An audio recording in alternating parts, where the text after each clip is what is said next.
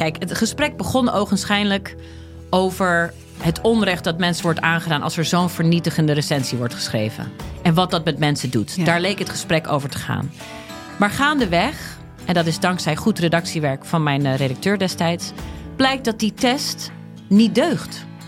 Via podimo.nl slash gonzo luister je de eerste 30 dagen gratis naar Podimo. podimo.nl slash gonzo. Liegen over een mondkapjesdeal die je hebt gesloten met de overheid. Een deal waarmee je miljoenen hebt verdiend. Dat doet toch alleen Siewert van Liende? Nou, nee. Ik ben Felicia Alberding en in de Mondkapjesmiljonairs duik ik met een team van correspondenten in andere schandalen. Want wist je dat Siewert helemaal niet uniek is? Luister de Mondkapjesmiljonairs in je Podimo-app. Of ga naar podimo.nl slash mondkapjes. En probeer Podimo 30 dagen. podimo.nl slash mondkapjes. Hallo, vanaf de redactievloer van De Groene Amsterdammer is dit onze wekelijkse podcast. Ik ben Kees van der Bos.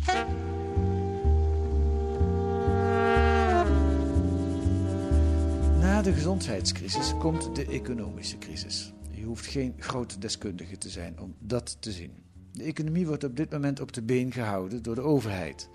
Zo'n 2 miljoen werknemers krijgen hun loon betaald door de staat. KLM leent 2 tot 4 miljard euro. Allerlei bedrijven worden gesteund. Het kan niet op. Het tekort van de overheid is inmiddels 92 miljard euro. Nu zijn dat getallen die mij en u waarschijnlijk ook weinig zeggen. Het is te groot, te onvoorstelbaar. Maar de vraag is: is het eigenlijk erg? Een explosie van krediet over de hele wereld vergroot de al bestaande schuldenberg. Hoe moet dat opgelost worden? Moeten al die schulden eigenlijk wel afbetaald?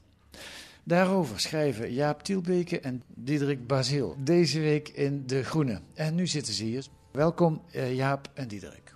Dankjewel. We gaan proberen om een begrijpelijk gesprek te voeren over een onbegrijpelijk onderwerp. Dat zal nog niet eh, meevallen. Maar goed, het is jullie in het artikel ook gelukt, dus dan zou het in de podcast ook moeten kunnen. Ja, we gaan het best doen. Eerst even iets over jullie. Jaap, jou ken ik vooral als auteur over milieuonderwerpen. Eh, wat heb je met schulden, met economie? Nou, ik ben eh, dus net klaar, zoals je weet, met het afronden van een boek over het klimaat. Nee, en ik zoek weer. Ja, een- neem de microfoon wat dichter bij je Ja, mond ja, alsjeblieft. ja, ja. En ik zoek eigenlijk weer een nieuw groot thema om me in vast te bijten. Aha. En waar ik steeds meer achter kom, is eigenlijk hoe ja, ongelooflijk nauw de hele klimaatcrisis ook verweven is met ons economisch systeem. En nou ja, schulden, zoals we ook in dit stuk schrijven, vormen misschien wel de, het fundament van dat economische systeem. En het staat nu door de co- coronacrisis weer bovenaan de agenda. Dus dat, dat leek me een mooie, mooie uitdaging om daar dan mijn tanden in te zetten. Eh, Betekent dat dat je nu ook doorgaat met economie of kun je dat nog niet zeggen?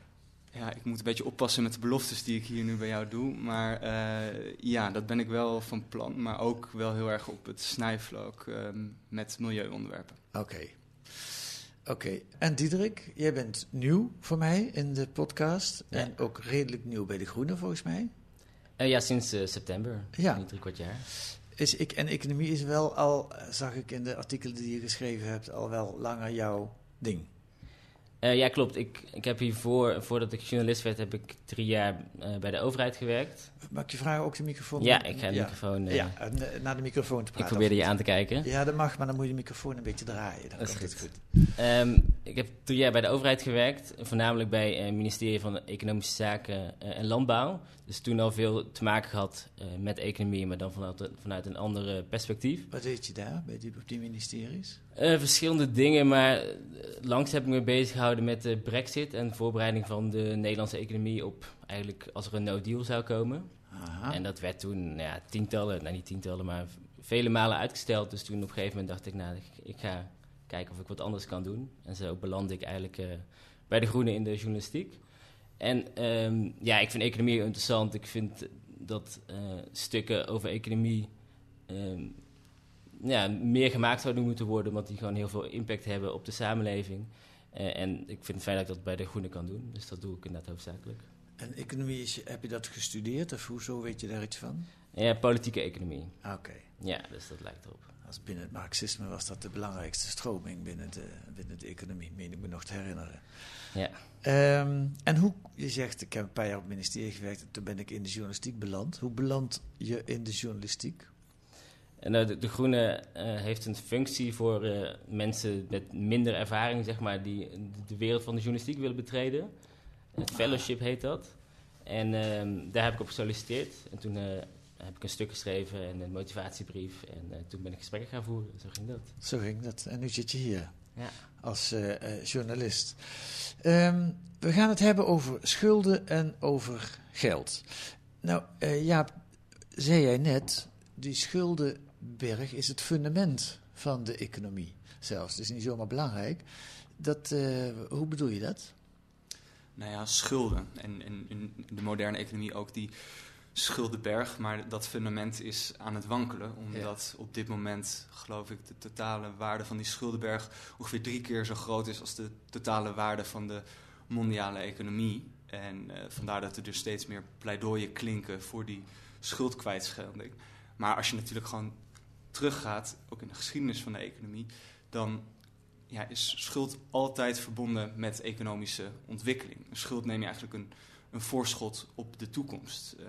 He, als dat wordt ingezet voor productieve activiteit, kan dat ook weer worden terugverdiend. Dus er is bijna geen economie denkbaar zonder schuld. De vraag is alleen, ja, hoe bewaak je die balans en wanneer kom je in de problemen? Schuld is eigenlijk net zoiets als geld volgens een deel van de economen die wij hebben gesproken, in ieder geval wel. Daar bestaat, zoals over alle onderwerpen, ook uh, nodige discussie over onder economen. Um, maar ja, ze, bijvoorbeeld iemand als M. Pettenvoor, die we in dit stuk laten terugkeren, die zei het mooi, die zei... Um, geld ontstaat altijd als schuld. En Pettifor, uh, ook een politiek uh, econoom. Ik kijk naar Diederik. Ja. Uh, en Pettifor legt in een YouTube-filmpje op een heel mooie manier uit het verschil tussen geld en tomaten. Luister. Money is not something which grows on trees. Uh, it's not something which you dig out from the ground. Money is a human construct which enables us to exchange goods and services. And actually, it, comes out of the blue sky. When you grow tomatoes, you have to dig the soil, you have to wait for the sun to shine and the rain to fall, you have to employ labor to, to harvest the tomatoes, and then you have to take them to market. You don't have to do that with money. You enter a number into a computer and you charge it to an account. For that reason, money must be treated differently from tomatoes. Nou, dat is wel de les uit dit fragment. Je moet geld niet behandelen als tomaten. Maar wat ze in feite zegt, uh, dat wil ik aan jullie voorleggen. Wat ik eruit haal is, je hebt de echte economie. Daar wordt iets gemaakt, of daar groeit iets, bijvoorbeeld een tomaat. En je hebt de virtuele economie. Die bestaat eigenlijk niet. Het is niet iets echts wat je aan kunt wijzen, maar er zijn papiertjes in onze portemonnee of getalletjes op onze rekening. En dat noemen we geld. Dat snap ik. Tot zover snap ik het nog goed, hè, volgens mij. Ik weet niet of dat direct het punt is wat ze probeert te maken. Er is inderdaad een onderscheid tussen zeg maar, de financiële, virtuele economie, zoals je dat noemt, en de reële economie. Ja. Maar ik denk dat zij meer uit probeert te leggen dat uiteindelijk geld een, een soort van, ja, het is een construct, iets wat we zelf uh, maken. Dus dan kan je ook zelf bepalen wat je er uiteindelijk mee doet en, en wat het betekent. Ja. En het is geen schaars goed. Nee. Dus van een tomaat of een ander goed ja. hebben we een beperkt aantal. Ja. Van geld niet. Dat is inderdaad iets wat out of thin air gecreëerd kan worden. Ja, en dat is meteen ook het gekke van geld en van schulden. Je kunt het zo maken, maar als het er eenmaal is en ik heb het aan jou geleend en jij kunt het niet terugbetalen, dan kun je het niet zomaar wegpoetsen. Nee. Dat is, dat, daar begint mijn begrip al te wankelen. Ja, maar er bestaat denk ik wel een belangrijk verschil tussen, of eigenlijk de vraag waar die schuld voor gebruikt wordt. Dus uh, als zij zegt, hè, geld ontstaat ook als schuld, Um, nou, laten we een heel praktisch voorbeeld nemen. Um, jij hebt een plan om een bedrijfje te starten en jij klopt bij mij aan met de vraag of je daarvoor een paar duizend euro kan lenen. Kan ik dat overwegen en dan kan ik zeggen, nou, dat klinkt als een uh, solide, solide plan. Hier heb je dat geld en uh, nou, ik hoop dat je dat terugverdient. Maar als jij bij mij aanklopt en je zegt, uh, Jaap, ik heb nou toch een goed idee. Als je mij wat geld leent, dan ga ik naar het casino en dan zet ik dat in. En nou ja, dan kunnen we echt rijk worden. Ja ja, dan zou het wel gek zijn om, om, om jou dat geld te lenen, toch? En toch, dat zijn in ieder geval de, de, de opvatting van veel economen die wij hebben gesproken, Die zeggen, heel veel van die schuld die nu ontstaat, die wordt eigenlijk niet meer productief ingezet, dus om economische activiteit te genereren, maar die belandt in de financiële sector, die losgezongen is van de reële economie. En daarin wordt veel gespeculeerd en gaat het om enorme rentepercentages ook. En daar heb je dus inderdaad, ehm, daar loop je dus inderdaad dat, dat risico. En de economen die, veel van de economen die wij hebben gesproken, die zeggen ook, we moeten ook kijken naar de verantwoordelijkheid van degene die geld uitleent, van de crediteur. Ja, daar komen we nog op terug. Even nog naar dat beginpunt. Uh, ik kijk naar jou. Is dan niet het hoofdprobleem dat die virtuele financiële sector voor een heel groot deel nu losgezongen is van de werkelijke economie? Het is denk ik een onderdeel van het probleem. En dat is ook wel met de mensen die we spraken, die noemden dat vaak als voorbeeld. Van je kan wel geld creëren uit, uit thin air, maar het, het, maakt wel uit wat je er uiteindelijk mee doet. Als je dat vervolgens weer productief terugbrengt in de economie en je maakt er bijvoorbeeld, uh, je bouwt er ziekenhuizen van of scholen of uh, je creëert banen voor mensen, dan voegt het echt wel toe aan de economie. Ja. Um, als je het vervolgens weer naar de financiële sector laat, uh, laat gaan, dan, ja, dan spek je eigenlijk alleen maar die, ja, die financiële kant van het verhaal. Ja, en dan doe je niks in de werkelijkheid. Nee. Dan doe je alleen maar dingen op papier, in de wolken. Ja. Um, maar goed, geld kan zomaar uit of, uit of de blue air uh, geschapen worden. Maar wij met z'n drieën kunnen dat niet. Er zijn maar bepaalde mensen die dat kunnen, of bepaalde actoren. Ja, dat is inderdaad een heel belangrijk onderscheid. Er is een groot verschil tussen jij en ik uh, en, en, bedrijven. Wij, wij verdienen geld en dat kunnen we uitgeven en niet meer dan dat. Uh, en we maken schulden en die moeten we uiteindelijk terugbetalen, anders gaan we failliet. Ja. Maar voor overheden, en zeker overheden die een eigen een centrale bank hebben en een eigen munt waar ze geld kunnen drukken. Ja, zoals ze zeiden, die, in principe kunnen die geld bij blijven drukken. Uh, en dat, dat, dat hoeft niet op, ja, dat raakt niet op. Nee. Goed, laten we daar naartoe gaan. Niet jullie schulden en mijn schulden, maar een, het belangrijk deel van die schulden is nu al een paar keer gevallen, overheden hebben schulden. Nou, op dit moment helemaal, want ze, ze, ze moeten ontzettend veel geld uitgeven om uh, al die mensen te betalen en bedrijven in de, in de lucht te houden. Wat je dan ziet gebeuren is dat de overheidstekorten enorm oplopen. En vooral voor arme landen is dat een gigantisch probleem. En daarom pleiten een aantal economen in jullie, uh, die jullie gesproken hebben voor schuldvermindering. Waarom zouden die arme landen daar, nou dat ze ermee geholpen zijn, dat snap ik wel. Maar waarom zouden ze daar recht op hebben? Dan kom je denk ik weer terug bij het vraagstuk over die, die verantwoordelijkheid van de crediteur, dus van de schuldeiser. Um, want wat je eigenlijk sinds de jaren zeventig hebt zien gebeuren, is enorme kapitaalstromen naar die arme landen. En waarom? Omdat daar hoge rendementen te boeken waren. En al die. Wacht even, hoe, waarom zijn daar hoge rendementen te boeken? Het idee is dat daar de meeste groei te behalen valt. Dat daar, maar ook omdat de risico's hoger zijn. Um, dus je zag enorme stromen dollars eigenlijk. Die schulden stonden voornamelijk uit in dollars. Ja. Um, die die kant op gingen. En Pettenvoor noemde het, die schuld, ze kregen letterlijk dollars naar zich toe gesmeten. Um, en op het moment dat die arme landen, dus zoals nu, in de problemen komen door een externe schok, een virus waar ze zelf geen enkele verantwoordelijkheid voor dragen, en ook in de problemen komen doordat ze geen geld meer overhouden om die gezondheidscrisis uh, te, te, te financieren of daar goed beleid op te voeren, kunnen ze geholpen zijn met schuldkwijtschelding.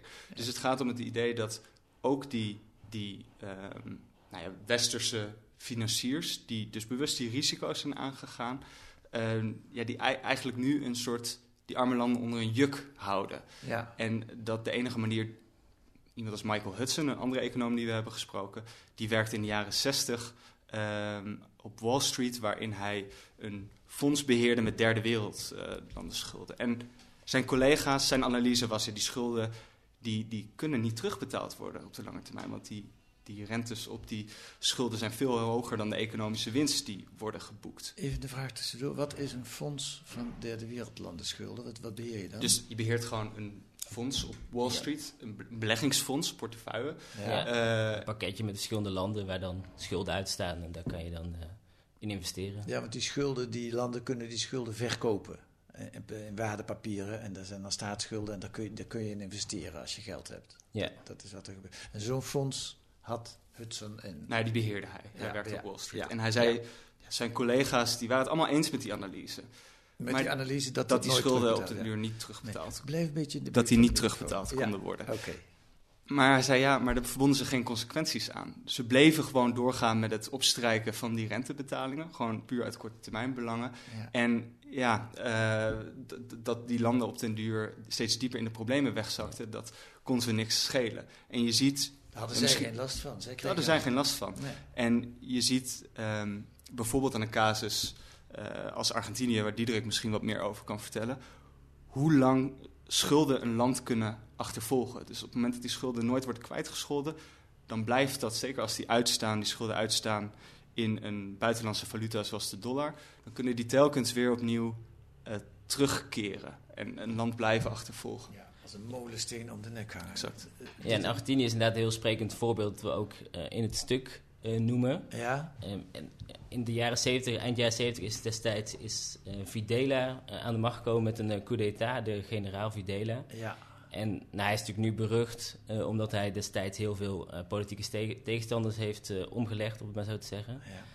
Ehm, maar wat minder bekend is dat hij ook in die vijf jaar dat hij aan de macht was, heeft hij de staatsschuld van Argentinië verviervoudigd. Dus dat is echt gigantisch, dus keer vier. Mhm. Ehm, en eh, het was allemaal geld dat kwam van de IMF, ehm, dus de Inter- Inter- Internationaal Monetair Fonds. Dat is ook een soort bank waar je bij kunt Ja, dat is een, ba- een bank van, van landen, zeg maar. Ja. En ook van heel veel eh westerse banken. Ja, En die gaven heel veel dollarleningen aan Argentinië... omdat ze enthousiast waren over het economische beleid van Fidele. Want het was heel rigide, eh, neoliberaal eh, marktbeleid. en dat hij daarbij wat politieke tegenstanders ombracht, dat, eh, dat moest hij dan maar even zelf weten. Ja, dat was, dan, dat, was dan, dat was dan door de vingers te zien. En ze hebben dus heel veel dollars aan hem geleend. Ja. En vijf jaar later werd Fidele afgezet. Alleen zat Argentinië nog wel met die schulden. En je, je kan best beargumenteren dat ja, die, die banken en de IMF hebben destijds die schulden, eh, ja, die hebben schulden verkocht aan een land eh, waar een dictator aan het hoofd was die verschrikkelijke dingen deed. Ja, dan heb je wel een bepaalde verantwoordelijkheid. En dan kan je je afvragen eh, of het Argentinië van nu daar nog steeds voor op de blaren moet zitten. En dat is wel zo. Argentinië van nu leidt daar nog steeds onder. Argentinië is echt een, een land dat al echt de decennia met een schuldenprobleem zit. En dat is daar echt gestart. Ehm, en ja, dat zie je nu ook weer dat eh, tijdens deze coronacrisis en ze weer ontzettend in de problemen komen. 20% van hun eh, inkomen van het land moeten ze besteden aan schulden afbetalen. En Ja. dat, dat kan natuurlijk niet op het moment dat ook nog jouw munt helemaal crasht. Dan heb je, moet je dollarschulden terugbetalen. Je moet eigenlijk heel veel investeren in jouw gezondheidszorg. Ja. En ja, dus dat land wordt eigenlijk nog steeds gegijzeld door zijn verleden. Dus die landen worden eigenlijk echt uitgeknepen met hun schulden. Ja, Een heleboel van de rijkdom die ze in de echte economie produceren, moeten ze allemaal gebruiken op die, ja. Ja. om niks eigenlijk. Om die schulden. dat schulden zo het land weer uit. ja. Ja. en dan betaal je nog alleen maar de rente. De schuld blijft alsmaar bestaan. Nee, ja, dat, en dat gebeurt inderdaad vaak ook. Dat is alleen, zeg maar, herfinancieren heet dat. Dat je nieuwe schulden aangaat om oude schulden te betalen. Dus dan, eh, en dan dat ze alleen de rentekosten kunnen betalen. Nou, dat is een duidelijk verhaal. Eh, Hudson, die naam is nu een paar keer gevallen. Michael Hudson, een econoom die jullie gesproken hebben. Volgens mij begon jullie onderzoek met, eh, met hem te bellen. Klopt dat? Ja. Eh, en ik heb een mooi fragment van hem gevonden. of eigenlijk heeft Daan Stoop, collega, dat gevonden. Over eh, schulden. Want je denkt, eh, nou, 1976 is al lang geleden. Maar hij heeft een boek geschreven, twee jaar geleden, over schulden in de bronstijd. Duizenden jaren geleden. En ook toen al waren schulden. Nou, laat het hem zelf vertellen. All of this had to do with the great destabilizing factor in society in uh, the first millennium BC, which was uh, debts beyond the ability to be paid, leading to bondage of the debtor and ultimately to forfeiture of uh, the land to wealthy people. In het, eh, de duizend jaar voor Christus was, eh, waren schulden al een probleem. Er zit een hele morele kant aan die, eh, die schuldendiscussie. Jaap, eh, leg eens uit. Nou ja, iemand als David Graeber heeft daar bijvoorbeeld ook een mooi boek over geschreven. The Debt the First 5000 Years heet dat. Waarin hij inderdaad eigenlijk laat zien hoe dat dan werkt. Waarin schuld een fundament is uh, voor de economie. Mhm. En wat je daar dan ook in terugziet, en ook in het verhaal van Graeber, is dat schuld natuurlijk ook altijd gepaard gaat met machtsverhoudingen. En je noemde het net het woordje uitknijpen. Nou, dat was toen eigenlijk in verschillende historische periodes ook al aan de gang. Je had de schuldeisers en die proberen zoveel mogelijk van die schuld ja, terug te krijgen van de, de schuldenaren. Had je al geld eigenlijk toen? Hoe, hoe, hoe werkt het? Ja, dus, dus, dus het, het grote punt wat Graeber maakt in zijn boek is schuld gaat vooraf aan geld. Uh, dus het begint met schuld als een administratief middel eigenlijk. En de mythe is dat geld als uh, ontstaan is uit, uit ruilhandel, dat we iets nodig hadden om ja. ruilhandel makkelijk te maken. En hij zegt eigenlijk is, gaat schuld vooraf aan geld. Eerst waren er schulden en dat is vervolgens dan uitgegroeid tot hè, geld. Dat, dat schulden zijn de bron van het geld. Exact. Um, dus wat, wat was je vraag nou ook alweer? De, de morele, morele kant. De morele, nou, laat, ik, laat die vraag hou ik even in, uh, in reserve. Even nog, hoe, was, hoe zit dat met dat destabiliserend zijn in die, in die bronstijd, in die eerste economieën? Hoe kan dat toen al destabiliserend geweest zijn, die schulden? Nou, op het moment eigenlijk op dezelfde, heel bazaal op dezelfde manier als nu. Op het moment dat die rentes op die schulden hoger zijn dan de groei die wordt gegenereerd, dan loopt dat uit elkaar en dan kunnen die schulden op een bepaald moment niet meer worden terugbetaald. En als daar niks mee gebeurt, dan belanden de schuldenaren in ketenen. Ze noemt uh, Hudson het, in bondage. Ja. En hij, maar dat is misschien iets waar we straks nog op terug kunnen komen, hij vreest dat we eigenlijk nu op, dezelfde, op datzelfde traject zitten. Dat mensen in ketenen belanden, uh, spreekwoordelijk dan, hun economische status verliezen. Maar in het verleden, en dat is interessant aan zijn studies, was daar een manier op gevonden. Bestond er namelijk een traditie van de Debt Jubilee. Eigenlijk een soort rituele uh, schuldkwijtschelding. Waarin dan jubeljaar. Een jubeljaar, een soort schone lei werd er dan gemaakt. Uh, dus die schulden werden gewoon, ja, werden gewoon kwijtgescholden. En dat was een, ja, een, een, een manier om de economische balans weer te herstellen. En ook uh, te voorkomen dat die hele bevolking op den duur in ketenen belandde. Want Ja. daar had ook de vorst natuurlijk geen, enkele, geen enkel baat bij. En die vorst wist ook, um, onhoudbare schulden maken mij op den duur ook kwetsbaar voor populistische revoltes. Dus dat was een middel om eigenlijk ja, de vrede te bewaren. En dat ging niet altijd goed, maar die, die notie van...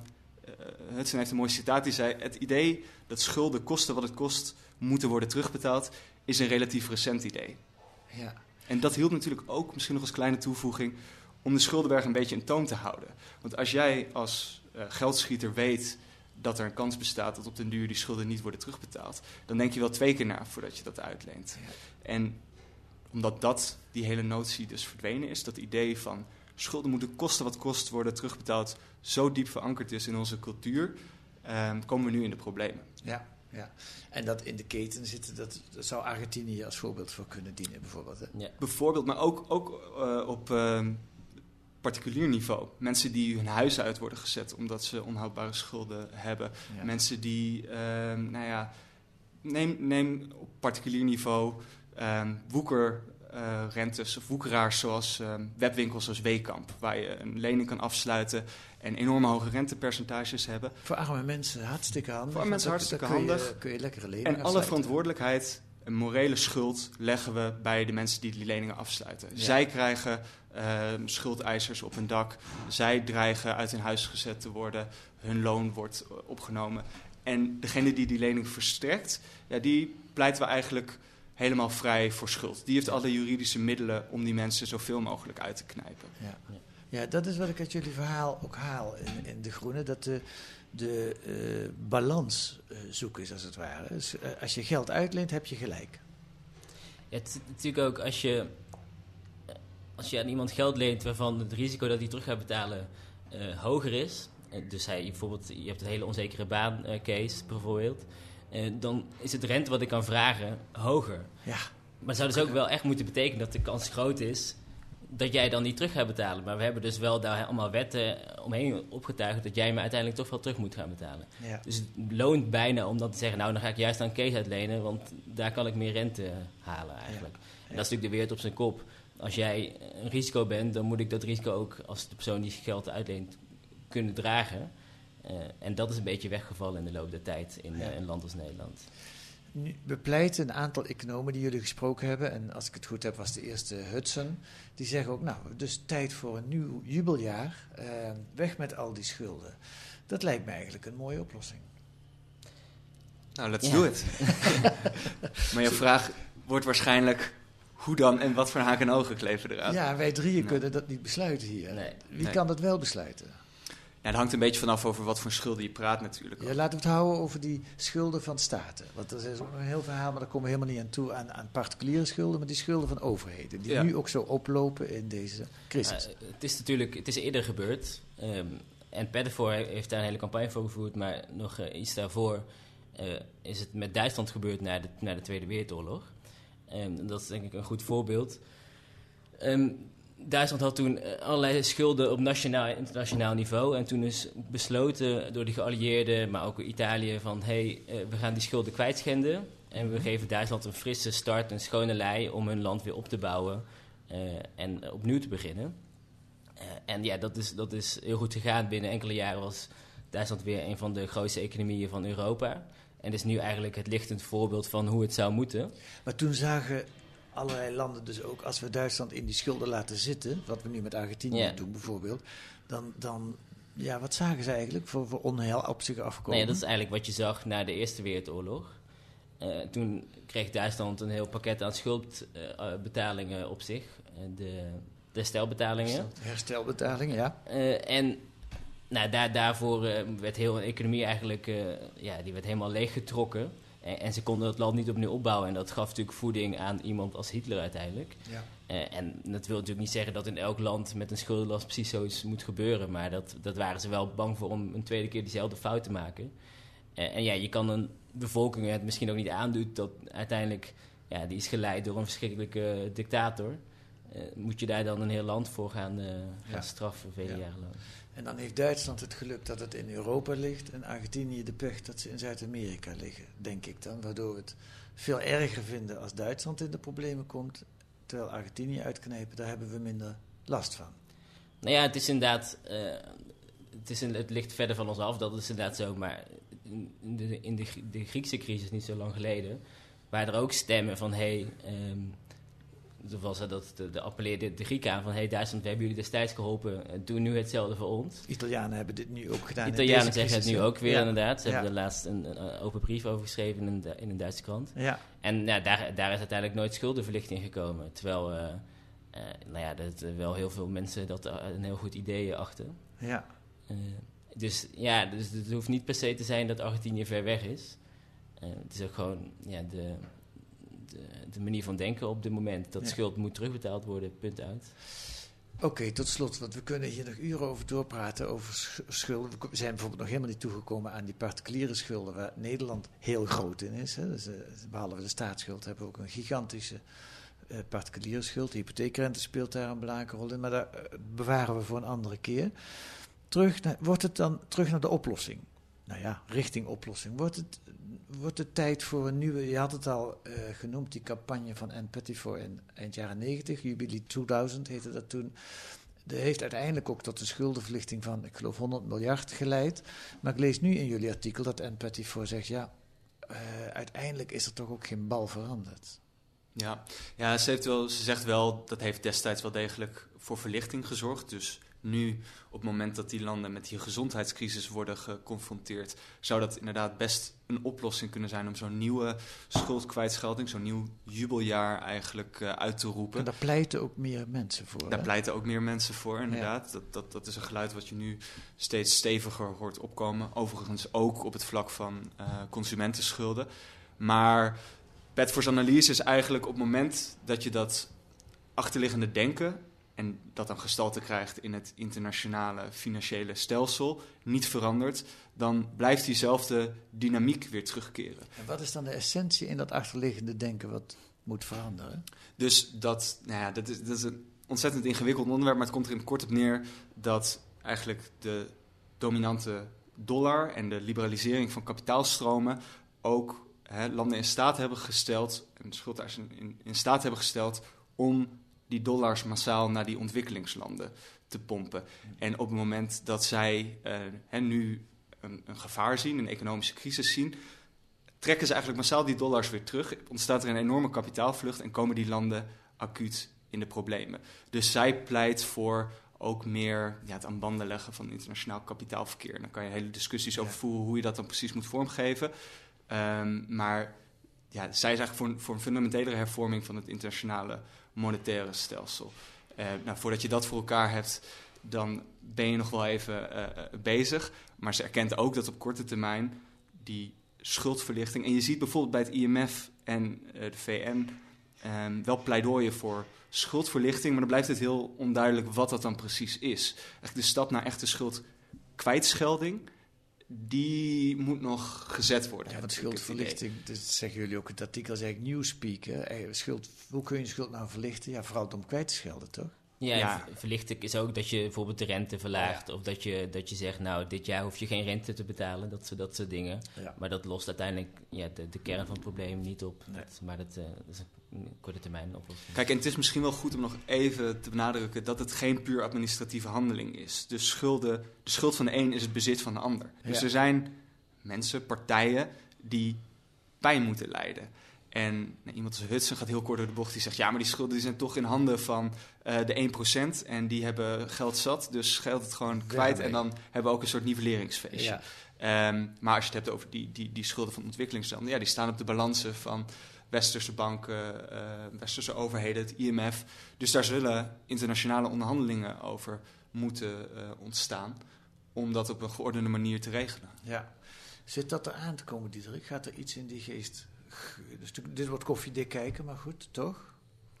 Uh, je bedoelt kwijtschenden van, uh, van schulden van landen? Ja. Nou ja, er, er is al wel, uh, hoeveel was het? 150 miljard had het, had het IMF vrij, vrijgemaakt voor, voor 50 miljard? Volgens mij is het... Oh nee, ik zeg, miljoen, ik zeg miljard, ik bedoel miljoen. Ja, ja 500 miljoen geloof 500 ik. 500 miljoen. En dat, dat, is een, ja, dat is een druppel op de groeiende plaat, maar dat is, het, is een, het is een indicatie dat ze daar dus al wel van bewust zijn dat daar een probleem ligt.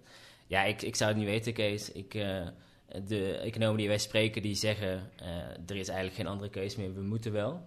Um, want anders gaat het hele, hele zootje op een gegeven moment instorten. Ja.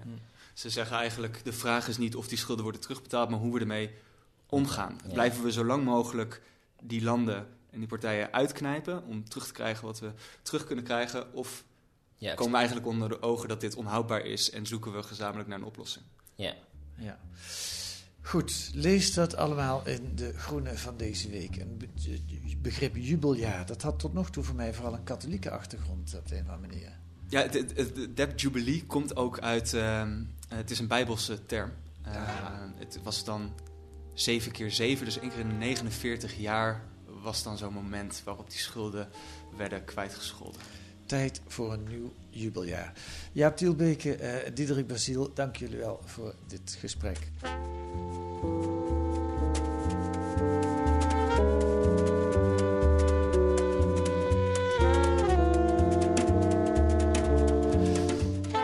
Lees deze week in De Groene ook een onderzoek naar de privatisering van testlabs. Labs, testlabs.